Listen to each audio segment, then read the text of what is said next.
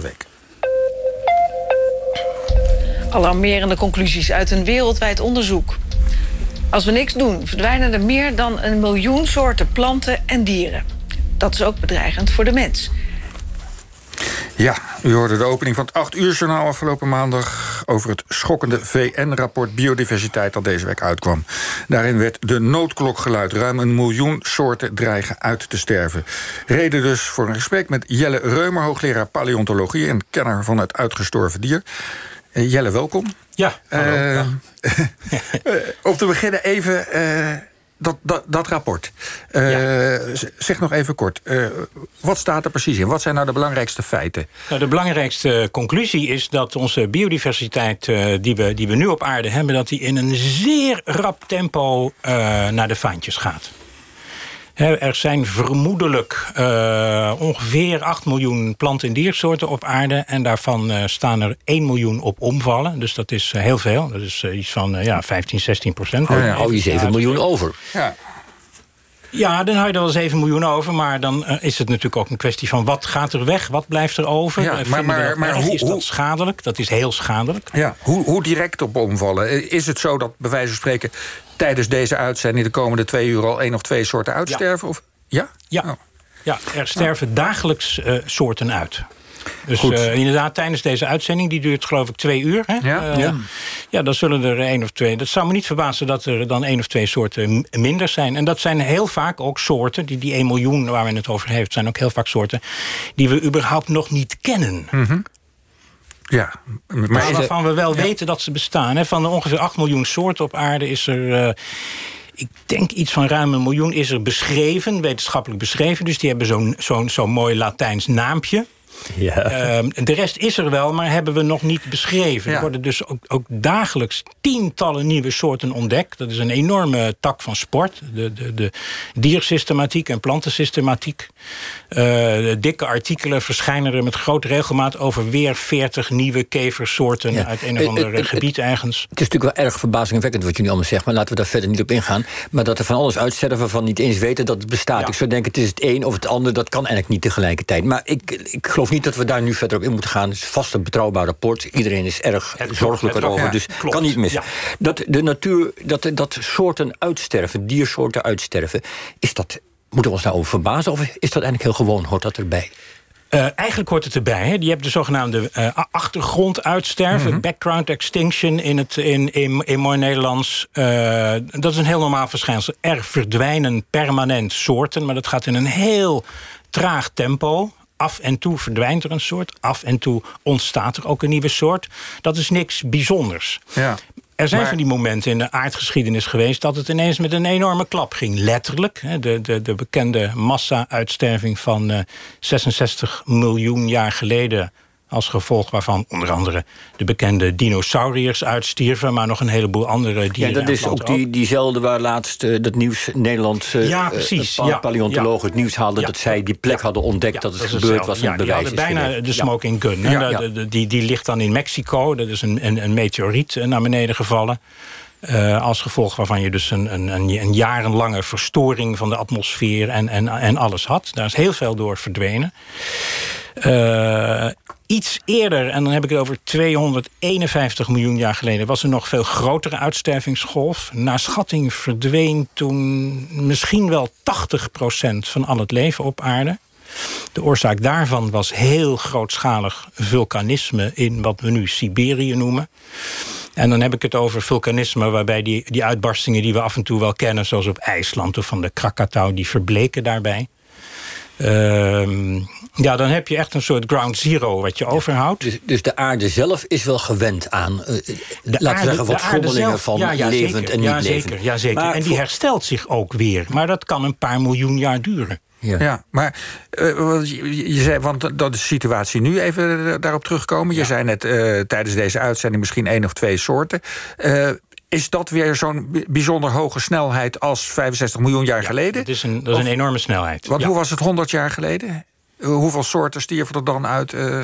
Nou, minder. Ja, ik, die cijfers die heb ik niet paraat. Die zijn er waarschijnlijk ook niet hoeveel er nu eh, precies in, wat was het, 100 jaar geleden, 1919 uh, uitstierven of in 1819.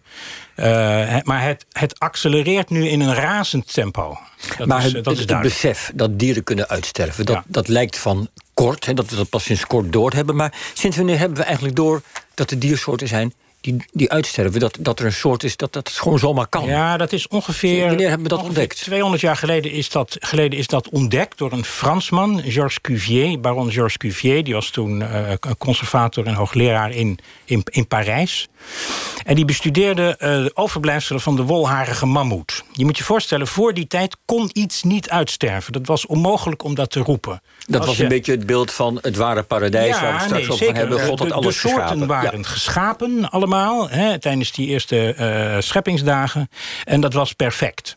En als je riep of beweerde dat iets kon uitsterven... dan twijfelde je eigenlijk aan de volmaaktheid van de schepping... en daarmee Ketterij. de volmaaktheid van de schepper himself. Ja, dat was, uh, dat was levensgevaarlijk. Ongeveer 200 jaar geleden was Cuvier die was bezig met het bestuderen van botten van de wolharige mammoet. Die worden overal gevonden, nu nog steeds. En hij had vergelijkingsmateriaal, namelijk uh, botten en, en, en kiezen, kakementen van de nu levende olifantensoort. Hè, dus de Indische olifant en de Afrikaanse olifant. Dat is ook wel weer grappig, want hoe kwam hij aan dat materiaal? Dat hadden de Fransen uit Nederland meegenomen. Fransen zijn in 1794 zijn ze Nederland binnenge, binnengevallen. Generaal eh, Pichegru toen, na allerlei belegeringen. En ze hebben niet alleen de Mosasaurus uit Maastricht meegenomen... maar ook de stadhouderlijke natuurhistorische verzameling. En daar zaten botten van olifanten in, skeletten. Dachten wij. Of dat waren... Nee, die, die, nee dat, okay, dat, nee, sorry. Die waren, dat, dat, dat waren dus gewoon... Er was een keer een, een Indische olifant. Eh, die, die had je toen natuurlijk ook al. Die werden naar Europa getransporteerd. Vaak ook als relatiegeschenk. En zo'n beest was een keer doodgegaan. Het geraamd was in de collectie van uh, stadhouder Willem... Uh, hoeveel was dat de laatste? De uh, vijfde niet vijf. geloof op vijf. Maar, tel kwijt. En, en, en Cuvier had die botten. En die heeft toen ontdekt, hè, zou je kunnen zeggen... dat dieren kunnen uitsterven. Want hij stelde een dier vast waarvan we niet wisten dat het bestond voor die tijd. De mammoet. Of wisten we ja, De mammoet was in 1799 beschreven als, als, een, als, een, als een aparte soort. Uh, maar je moet je voorstellen, de aarde was toen nog redelijk onbekend in die tijd. Mm waren grote stukken die we, waar we nooit geweest waren. Dus als je iets zag, een, een, een fossiel had van een soort die je niet herkende als iets wat nu leefde. Nou ja, dan werd verondersteld, dan zou het aan de andere kant van de aarde nog wel bestaan ergens. Op een, in een gebied waar we nooit geweest waren. Want uitsterven kon niet. Dan was het niet meer hier, dan was het weggetrokken of verdwenen of. Uh, leefde er nog ergens anders voort. Maar bij Cuvier heb je het over een dat hij ontdekt dat er een dier bestond wat heel lang geleden al is uitgestorven. Ja. Het, de ontdekking dat dieren onder onze neus, onder onze ogen als ware kunnen uitsterven. Wanneer drong dat tot de mensheid door? Nou, dat, ik denk dat dat al iets eerder geweest is zelfs. Want we hadden, of we, ik, ik zeg dan wel we, maar dat is dan mhm. de mensheid in het algemeen. Hè. Ik bedoel, dat hebben, hebben Jos en ik niet gedaan. Uh, de dodo bijvoorbeeld, uh, uh, die was uitgestorven. En dat is al ergens in het midden van de 18e eeuw gebeurd. Dus dat soort dingen was al wel bekend. Uh, dat was denk ik wel zo'n beetje de eerste waarvan we dat in de gaten hadden. Toen kreeg je de Stellers zeekoe. Die is ook uh, snel uitgeroeid geraakt. Uh, ja, en daarna ging het helemaal los. Hè. Dan had je de reuzenalk en de Carolina parakeet... en de, en de Amerikaanse trekduif. En de ja, je zegt het alsof of het voor ons gesneden koek is. Dat is niet zo. middernacht is. Ik denk dat de meeste mensen alleen de dodo kennen eigenlijk. Hoor. Ja, en natuurlijk de dinosaurus en zo. Die, die dingen van heel lang geleden. Maar die recentere voorbeelden weten veel mensen niet, denk ik. Ja die, die massa-uitstervingsgolf die we nu lijken, ja. die wordt aangekondigd. Um, is dat. Um, dat, die is niet helemaal nieuw, zoals je zegt. Dat heb je net al uitgelegd. Dat wel de aarde al eerder dit soort dingen heeft meegemaakt. Ja, de aarde zelf kan er wel tegen. Die is er bovenop gekomen. Ja. Uh, maar hoe zit het met ons? Ja, dat is, een, uh, dat, is een, dat, is een, dat is een interessante vraag natuurlijk. Want wij zijn onderdeel van dat hele ecosysteem. Hè. Eh, over het algemeen beschouwen mensen de natuur, de biodiversiteit, de ecologie... als het decor uh, waartegen wij onze, ons, ons handelen verrichten. Hè. Uh, hè, dan heb je een woestijn, ja, daar kun je met vrachtwagens erheen rachen. Je hebt de zee, die kun je leegvissen. Maar de natuur is niet ons decor. De natuur is het huis waarin wij wonen. En van je eigen huis vind je het ook niet fijn als er een... Nou ja, dan zeg je ook niet van... er kunnen wel een paar ramen uit en een paar dakpannen eraf... en er kunnen ook wel honderd stenen uit de muur lazeren. Uh, dat is niet de bedoeling. Uh, maar zo is het met de natuur ook. Hè. De, er verdwijnt nu heel veel. Ja, wat de meeste mensen inmiddels wel in de gaten hebben... dat is dat het met insecten slecht gaat. Insecten zijn heel belangrijk als bestuivers. Het grootste deel van ons voedsel is afhankelijk van bestuiving door insecten. Als je zorgt dat er geen insecten meer zijn... Ja, dan hebben we straks geen appels en geen peren meer... en geen papaya's en uh, verzin het maar. Ja, en insecten zijn er steeds gek genoeg. Ik had toevallig gisteren met een buurman erover... dat we geen insecten meer zagen in de tuin nee, in de klopt. stad. En elders ook niet, kennelijk. Nee, dat klopt. Je kunt heel Nederland doorrijden met een auto op een zomerse dag... en, uh, en je vooruit is nog schoon. Dat was, dat was 20, 30 jaar geleden niet het geval. Nu ben je paleontoloog, je bent gewend naar het verleden te kijken. Ja. Ik, ik vraag toch even naar de toekomst te kijken. Er gaan er 1 miljoen soorten uitsterven. Worden wij een van die 1 miljoen? Zeker. Dat vind ik een mooi einde op zondagochtend. Jelle Reumer, mogen we je bedanken. En, uh, ja, graag nou, gedaan. Ik hoop dat je ja, volgende keer net zo'n vrolijke boodschap hebt. Het is een pessimistisch bericht, maar uh, ja. het is niet anders.